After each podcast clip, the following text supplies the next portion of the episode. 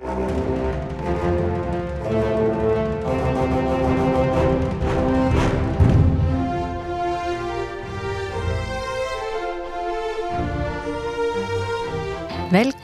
til Frankrike forklart, en podkast der du får svar på alt du lurer på om Frankrike. Mitt navn er Kjersti Naukrust. Og jeg heter Geir Huvsløk. I dag skal vi snakke om andre runde i det franske parlamentsvalget som fant sted 19.6, altså valget til eh, nasjonalforsamlingen. Og det er Geir og jeg som skal lose dere gjennom eh, denne episoden, der vi skal selvfølgelig snakke om resultatene og hvilke konsekvenser det får. Og la oss ta resultatene først. Geir, kan ikke du bare presentere hva de ulike alliansene og partiene har fått nå i siste og avgjørende valgomgang? Det kan jeg gjøre. Og da uh, må vi presisere at vi bruker Innenriksdepartementets tall. Det er de offisielle tallene. Uh, og uh, ifølge disse tallene så får da koalisjonen til Emmanuel Macron ensemble et relativt flertall på 245 representanter i nasjonalforsamlingen. De får altså ikke absolutt flertall. Uh, bak dem, som gruppe nummer to, kommer La Nouvelle Union Populaire Écologique et Sociale, NUPS, uh, ifølge Det franske akademi. Nei, eh, faktisk NUP. NUP. Okay. Ifølge Det franske ja, akademi, hvis det skal være helt, helt korrekt. Ja. ja, NUP. Uh, ja, det har vært litt, litt uenigheter om hvordan man skal si det. NUPES eller NUPS eller NUP. Uh, og uh, de får da 131 representanter i den nye nasjonalforsamlingen. og bak dem kommer Rassemblement National med 89 representanter. Som er da partiet til Marine Le Pen, Nasjonal ja, Samling? Det stemmer. og det er da første gang i historien de får en så stor oppslutning. Og bak dem kommer det tradisjonelle høyrepartiet Les Républicains med 61 representanter. Og hvis vi ser litt på de forskjellige partiene som utgjør de to største koalisjonene, så ser vi også da at presidentens parti, La République en Marche, det er fremdeles det største partiet med 154 representanter. Husk for øvrig at de bytter navn nå til eh, Renaissance. Ja, det stemmer. Eh, foreløpig så heter de altså fremdeles La République en Marche, men de blir til Renaissance. Så får vi se hva slags gjenfødsel det blir. Uh, og sammen med dem i denne valgunionen ensemble så finner vi uh, Mouvement Démocrate, eller Modem, som er et, litt, det tradisjonelle sentrumspartiet i Frankrike, uh, med eller det har vært mange sentrumspartier i Frankrike, men dette er det som var det største før Macron kom på banen, i hvert fall. Og de får 48 representanter, mens tidligere statsminister Edouard Philips nye parti Horizon de får 27 representanter. Som da til sammen altså utgjør 245. Nemlig. Og så var det denne NUP, uh, som er en allianse av, av fire partier, ikke sant? Ja, det stemmer. Og uh, det største partiet der, det er La France Insoumise, som får 72 representanter. Mens Sosialistpartiet, ifølge de offisielle tallene, får 24 representanter. Og der vil man se at det er litt avvikende tall, avhengig av hvilke kilder man ser på.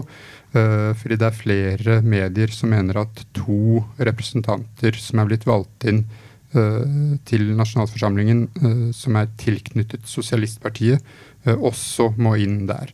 Men det er altså ikke ifølge de offisielle tallene. Der er det 24. Og så er det Miljøpartiet som får 23 representanter. Det er et kjempehopp, for de hadde null i den forrige nasjonalforsamlingen. Og så Kommunistpartiet med tolv representanter. De har også gått litt opp. De hadde ti uh, forrige valg, men det er fremdeles ikke nok til å lage en gruppe i uh, nasjonalforsamlingen. Mm. Og så er det jo noen som er utenfor de fire, de, nei, de, ja, de fire vi nevnte nå. Eh, og blant annet de som forkortes DVG eller DVD, altså Divergauche og Diver. Der er det også eh, noen tyvetalls Ja, da er det på uh, Diver gauche så har du 22 representanter. Og blant dem så er det da en del sosialister som ikke ville være med i denne valgalliansen NUPS. NUP. Jeg må lære meg å si det riktig. Uh, og uh, samme på uh, Diver droite, altså diverse høyre. Der har vi ti representanter. Mm. Ja, det er altså tallene. Og vi skal gå litt nærmere gjennom eh, alle disse resultatene og hvilke konsekvenser det får. Og det første vi må snakke om, er selvfølgelig den største nyheten, nemlig at Macron mister sitt absolutte flertall. Vi husker jo at da han ble valgt i 2017, så var det såkalt rademarie i, i eh, valg til nasjonalforsamling noen uker etter presidentvalget, hvor han, bare, han sprengte eh, prognosene og, og gjorde et kjempevalg. Fikk et veldig solid absolutt flertall. Nå har han jo da mistet det, og mangler da ja, rundt 44 blir det vel, stemmer for å få flertall, som er 289 representanter, eller 289 stemmer. Ja, Hvil absolutt flertall. Absolutt flertall, ja. ikke sant. Ja. Hva, hvilke muligheter, altså Hvordan skal han styre landet fremover nå? Hvilke muligheter har han? Ja, Det blir nok en, eh, det vi på norsk kaller en mindretallsregjering. Uh, som man ikke har hatt i Frankrike siden 1988. Da var det sosialistene som hadde en mindretallsregjering. Og, øh, men de var ikke så langt unna uh, det absolutte flertallet som det Ensemble er nå.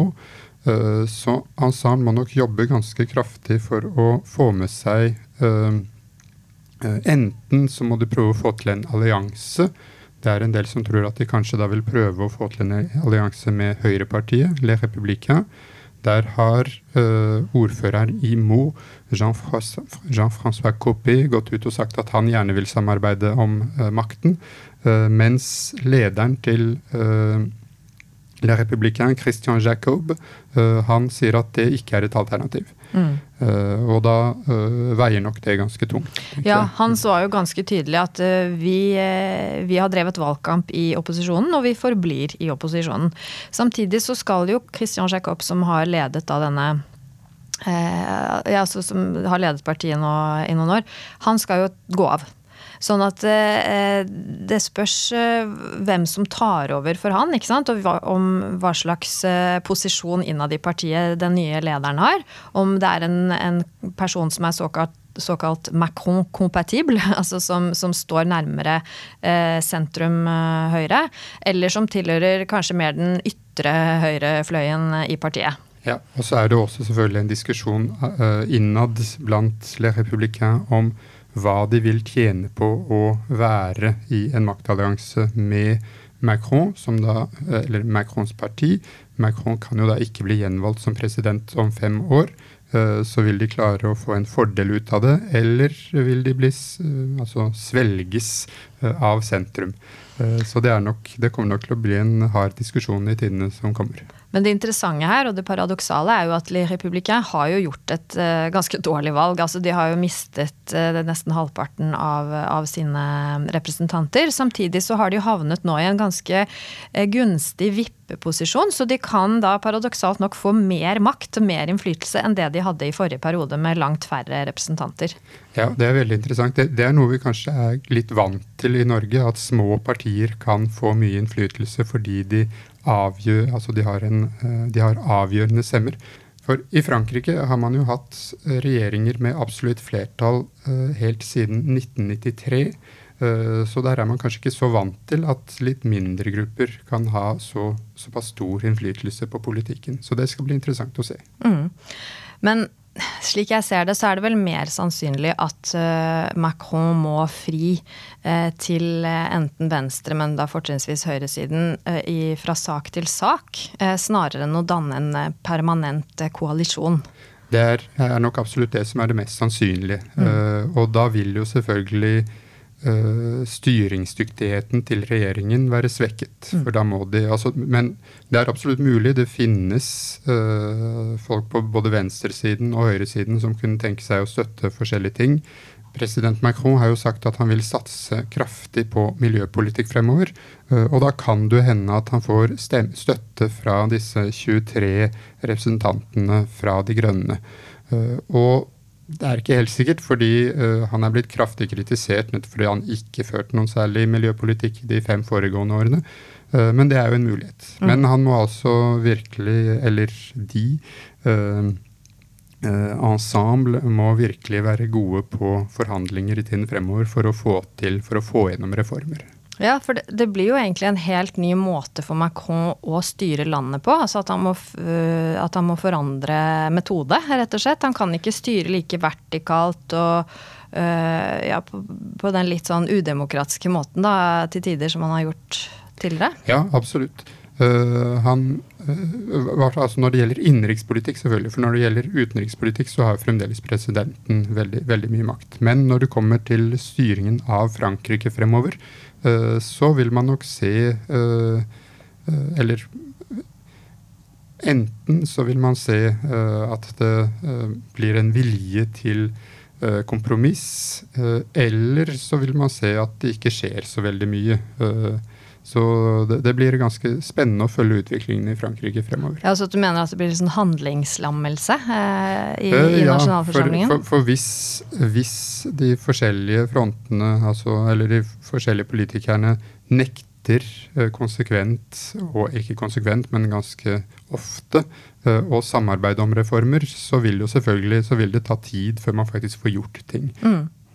Og denne, dette nederlaget, som vi jo må kalle det for Macron, det får jo konsekvenser også innad i regjeringen. Fordi eh, det er et par, eller en god del av eh, statsrådene som, eh, som stilte til valg i, i hver sin valgkrets. Og, og, Macron hadde en regel. Dersom man taper eh, valget, så må man gå av. Og det rammet eh, et par ulykkesfugler. Eh, ja, det var tre stykker. Det var faktisk færre enn man fryktet. Eh, men uh, havministeren, eh, Justine Benin, hun ble ikke gjenvalgt. Det samme gjelder miljøministeren Amélie de Montchalin. Ja. ja bare pass på at jeg uttaler navnet hennes riktig. Mm. og også helseministeren Brigitte Bourguignon. Mm. De tre ble ikke gjenvalgt og forsvinner dermed fra regjeringen. Yes, I tillegg så er det to nestorer eh, blant, eh, hos La République en Marche eh, som heller ikke ble gjenvalgt. Det gjelder eh, Christophe Castaner, som var parlamentarisk eh, leder for, for, partiet, og som har vært innenriksminister. Han, han, ble ikke gjenvalgt, og heller ikke da avtroppende eh, president i nasjonalforsamlingen, Richard Ferrand. Og presidenten i nasjonalforsamlingen er jo faktisk den tredje viktigste personen i republikken etter presidenten og presidenten i senatet. Ja, begge de to er veldig viktige. og det er særlig et viktig signal at Castaner ikke blir gjenvalgt. For han var virkelig en av de første marsjør, altså en av de første som støttet Macron. Eh, så det at hans kandidatur ikke, eller at han ikke ble gjenvalgt, og at Macron sitt parti fikk så mange færre uh, representanter enn ved forrige valg, det er helt klart uh, et tydelig nederlag for Macron sin side. Ja, og et signal, tenker jeg, fra franske velgere om at Macron ikke kan fortsette som, som før. At uh, han, uh, han, er nødt til å uh, endre måten han, han, styrer landet på, rett og slett. Hvis vi tar for oss denne mm, venstrealliansen nå, som var jo spådd å gjøre, et veldig godt valg, og det, det, har de jo i og for seg gjort, men, men kanskje dårligere, litt dårligere resultat enn en det de håpet på. Ja, Mélenchon uh, sa jo veldig kjapt at han gjerne ville bli, uh, eller at han uh, ville bli statsminister. det blir han altså ikke.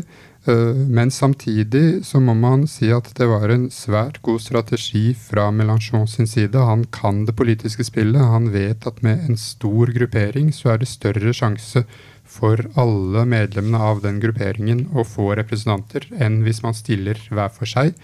Eh, og uh, så har også da La France Insoumise gjort et kjempehopp fra 2017, hvor de hadde 17 representanter, til 72 i år. Eh, så de har helt klart vunnet på dette. Uh, Sosialistpartiet de ligger omtrent på det samme. De har gått litt ned, men ikke så mye. og man med det uh, svært, ja, svært, dårlige uh, valget de hadde i presidentvalget, så kunne man ha forventet at de skulle gått ned enda mer. Men de har da altså nok til å få en parlamentarisk gruppe. Og også for økologene så har dette virkelig, eh, eller de grønne, så har dette virkelig gått eh, fremover. Så det ja. har vært nyttig. Det blir jo eh, Det er jo et viktig skritt for dem at de er tilbake såpass sterke i, i nasjonalforsamlingen. Jeg har lyst til å bare nevne også at blant disse nyvalgte mm, representantene for La France Insoumise, det ukuelige Frankrike, så har du en person som heter eh, Rachel eh, Kiki, som, eh, som, er vaskehjelp på et kjent, et stort hotell i, i, Frankrike, og er kjent for å ha streiket i to år og fått gjennomslag for, for kravene hun, hun, var med på å stille der. Og det er jo en, en første gang selvfølgelig en, en, en, person som er tidligere vaskehjelp, er blitt valgt inn, og det vil jo mange se på som et stort fremskritt, og at en person som representerer den type yrkesgrupper eh, kommer inn i, i landets, landets, viktigste forsamling med folkevalgte. Ja, absolutt. Og så er det også mange som sier at dette faktisk er bra for fransk politikk. For nå kan man få en politikk som er basert mer på forhandlinger og diskusjoner enn på avgjørelser, avgjørelser som er tatt av én gruppe. Uh, altså man har jo vekslet lenge mellom høyre- og venstresiden. At enten så er det høyre eller så er det venstre som bestemmer. Og så ble det sentrumsiden, fra, eller sentrum, fra 2017, uh, som da har hatt absolutt flertall. Men nå må man også forvente seg en litt annen dynamikk i nasjonalforsamlingen. Og jeg har lyst til å nevne det, Mélenchon ble jo da ikke uh, statsminister, og det var det vel ikke så mange som trodde var realistisk uansett. Men det er faktisk ikke sikkert at Elisabeth Born, eh, som er statsminister nå, blir sittende. Fordi at hun ble valgt med svært eh, liten margin. Så man sier at hun er mal elu, hun er dårlig valgt. Og det kan hende at også Macron vil se seg nødt til å bytte ut henne. Eh, også for, for, å vise at han, at han tar konsekvensene av det dårlige valgresultatet. Så det er også en omrokering som kan finne sted. Ja, Og en annen mulig grunn til at han kan bytte valgt ut uh, Elisabeth Bourne, er også for å sende et signal til mulige samarbeidspartnere. Så det er uh, mange hensyn å ta, og det er mange usikre ting ennå, men det skal uh, Ja. Mm. Så, det som er interessant, er at selv om NUP har blitt den største eh, opposisjonen totalt, denne alliansen med sine 131 representanter, så, så er det jo ikke slik at eh, La France Insoumise er det største opposisjonspartiet. For det er det Rassemblement National som nå er. De er det største enkeltpartiet i opposisjonen. Og det betyr jo at eh, selv om venstresiden har gjort et godt valg, så, så er fortsatt hovedtyngden av parlamentet på høyre, ytre høyre. Og skal vi si litt mer om, om dette fantastiske resultatet for partiet til eh, Marine Le Pen? Ja, det var jo da eh, ganske uventet, for de fleste meningsmålingene ga dem maks 50 representanter. Eh, men de endte også opp, ifølge de offisielle tallene, med 89 representanter. Og da er det også hele øh, fylker, altså hvor alle representantene kommer fra Rassemblement National. Uh, så de har helt klart, altså særlig i Sør-Frankrike og Nord-Frankrike, uh, har de virkelig fått et kjempegjennomslag sammenlignet med tidligere år. Ja, fordi vi må huske at i 2017 så hadde de kun åtte representanter, så det er jo over en tidobling. Eh, og, og er, men hva tror du det vil bety for dem? Altså, eh, mer synlighet selvfølgelig, men, men hvor mye innflytelse kan de håpe på? De vil jo nå også da uh, få mer enn nok representanter til å lage en parlamentarisk gruppe, uh, som gjør at de kan være mer aktivt med i arbeidet i nasjonalforsamlingen. Uh, og det kan jo selvfølgelig slå begge veier. Da kan det enten kanskje de kan få gjennomslag for noen ideer. kanskje de vil bli synlig at de ikke får så mye gjennomslag uansett. altså det er mm. mange mulige Uh, utfall av dette. De kan jo også få noen nøkkelposisjoner i ulike komiteer, f.eks. finanskomiteen, der det er tradisjon for at uh, lederen kommer fra det største opposisjonspartiet. Og det vil jo være ganske uh, nok en fjær i hatten hvis de klarer å kapre et sånt type verv. Ja, absolutt. Mm. og så, som du sier, så er det også helt klart at de nå vil bli mer synlige. Eh, og det blir også interessant å se ved kommende lokalvalg hvordan dette slår ut. Mm. Og man kan jo si mye om, eh, om Nasjonal Samling, men um, det er klart at det, det som er positivt med desse, dette resultatet, er at uh, flere velgere enn tidligere vil føle seg representert. Fordi ja. det har jo vært et stort problem at dette valgsystemet i Frankrike med, med, flertallsvalg, at det eh, det har vi jo vært inne på i tidligere episoder, at det rett og slett ikke gjenspeiler i, i stor nok grad um, velgermassen der ute. Uh, tror du ikke det kan, kan være noe positivt for velgere, at de endelig føler seg representert i nasjonalforsamlingen? Jo, absolutt. Så noe som er veldig interessant, er at det er jo fremdeles flertallsvalg i Frankrike på det valgte nasjonalforsamling. Uh, og ikke forholdstallsvalg, som ville ha gitt et mer tydelig resultat. Men med dette resultatet så nærmer faktisk uh, Nasjonal Samling seg det resultatet de ville ha hatt ved et forholdstallsvalg. Mm. Uh, så her er det altså da absolutt slik at de som har stemt på dem, nå er representert i nasjonalforsamling. Jeg hørte Marine Le Pen eh, si i går, da hun eh, skulle holde sin eh, seierstale, at hun ønsket å være en tydelig, men samtidig en konstruktiv opposisjon til Macron. Akkurat det med konstruktiv stiller jeg meg litt tvilende til. All den tid det er såpass stor avstand da, mellom Marine Le Pen og Macron og de to partiene i de aller fleste sakene. Hva, hva tenker du, hvordan kommer, hun, hvordan kommer partiet til å oppføre seg i opposisjon? Uh Marine Le Pen er veldig flink til å fremstille seg selv positivt. Og fremstille saker på en positiv måte. Uh, så uh, hun kommer nok til å uh, fortsette med det, men samtidig så må hun nok også fortsette å provosere litt og nettopp vise hvordan hun er et annet alternativ. For hun sikter nok også mot presidentvalget om fem år. Mm hun eller eh, ja. kronprinsen, muligens eh, Jordan Bardella, i, ja, eh, i partiet. Jeg ser også at um, Venstrealliansen de har allerede meldt at de kommer til å stille mistillitsforslag eh, i begynnelsen av juli. Så der er man i gang med, eh, med, å, å, med, å, posisjonere seg. Det blir jo spennende å se om Rassemblement National stemmer for dette mistillitsforslaget eller ikke. En annen mulighet vi ikke har snakket om når det gjelder hvordan Macron skal eh, løse denne floka han er i, da, eh, det er rett og slett at han, han kan ta i bruk noen av privilegiene han har som, eh, som president. Ikke sant? Ja, han kan bl.a. oppløse nasjonalforsamlingen og kalle inn til nyvalg. Det spørs om han vil gjøre det akkurat nå med en gang.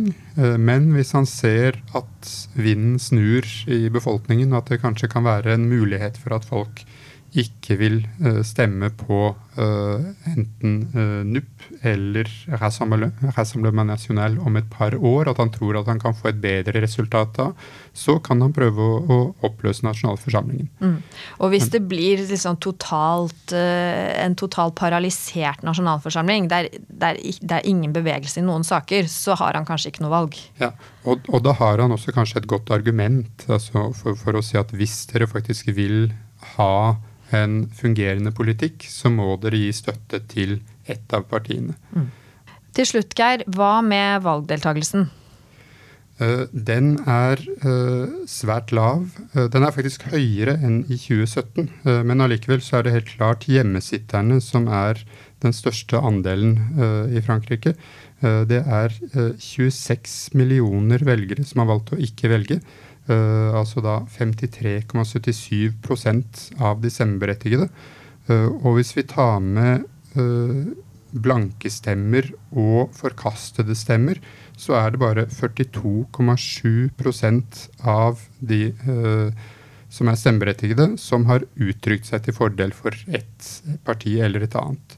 Så altså en svært lav valgoppslutning offisielt da på 46,23% som gikk og stemte. Mm, så grunn, fortsatt grunn til bekymring eh, der, altså? Ja, absolutt. Og så så vi Vi har ikke nå uh, ennå tall på uh, hvilke aldersgrupper som stemte osv., men der så vi i første valgomgang at det var bare tre av syv av de som var under 35 år, som stemte.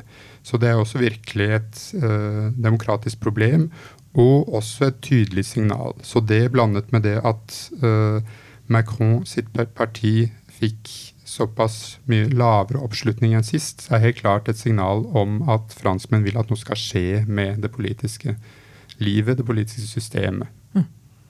Takk for det, Geir. Da har du kanskje også en liten anbefaling til eh, våre lyttere, sånn helt på tampen? Ja, nå som sommeren uh, nærmer seg, så skal jeg gi en fullstendig apolitisk anbefaling. Uh, jeg vil anbefale de av lytterne våre som uh, f.eks. reiser til Frankrike i løpet av sommeren. Uh, særlig altså, i, alle mulige byer. Men i, Paris så er det en fantastisk anledning til å gå og rusle rundt i gatene og gå på forskjellige bokhandler i Paris. Enten ved disse gamle bokhandlene langs scenen eller i både nye og eldre bokhandlere, antikvariater rundt omkring i byen. Uh, mitt uh, favorittsted i Frankrike, uh, Le Pont Traversé, stengte dessverre i 2019. men det ligger rett ved Luxemburghagen. det var et helt, helt fantastisk bokhandel som ble startet av en tidligere surrealistpoet. Men der er fremdeles fasaden den samme. Den er også fantastisk vakker. Le Pont Traversé står det, og det er blitt til en kafé. Så da kan man kanskje ta med seg en av bøkene man har kjøpt, og sette seg der og lese litt. Ja, Det høres nydelig ut. Da gjenstår det bare å takke for oss, og så høres vi i neste episode av Frankrike forklart. Au revoir! Frankrike forklart er et samarbeid mellom Universitetet i Oslo og Høgskolen i Østfold. Podkasten er støttet av Det norske universitetssenteret i Paris og Institut Français i Oslo, og har full redaksjonell frihet. Abonner på Frankrike forklart på iTunes, Spotify eller på andre plattformer der du lytter til podkast. Har du kommentarer til oss eller forslag til temaer vi bør ta opp, kan du sende inn det via vår Facebook-side Frankrike forklart. Alle dagens referanser ligger på denne Facebook-siden og på nettsiden vår vi skriver en kronikk i forbindelse med hver episode som belyser dagens tema fra en litt annen vinkel. Kronikken finner dere på forskning.no, Transitmagasin og på nettsiden vår.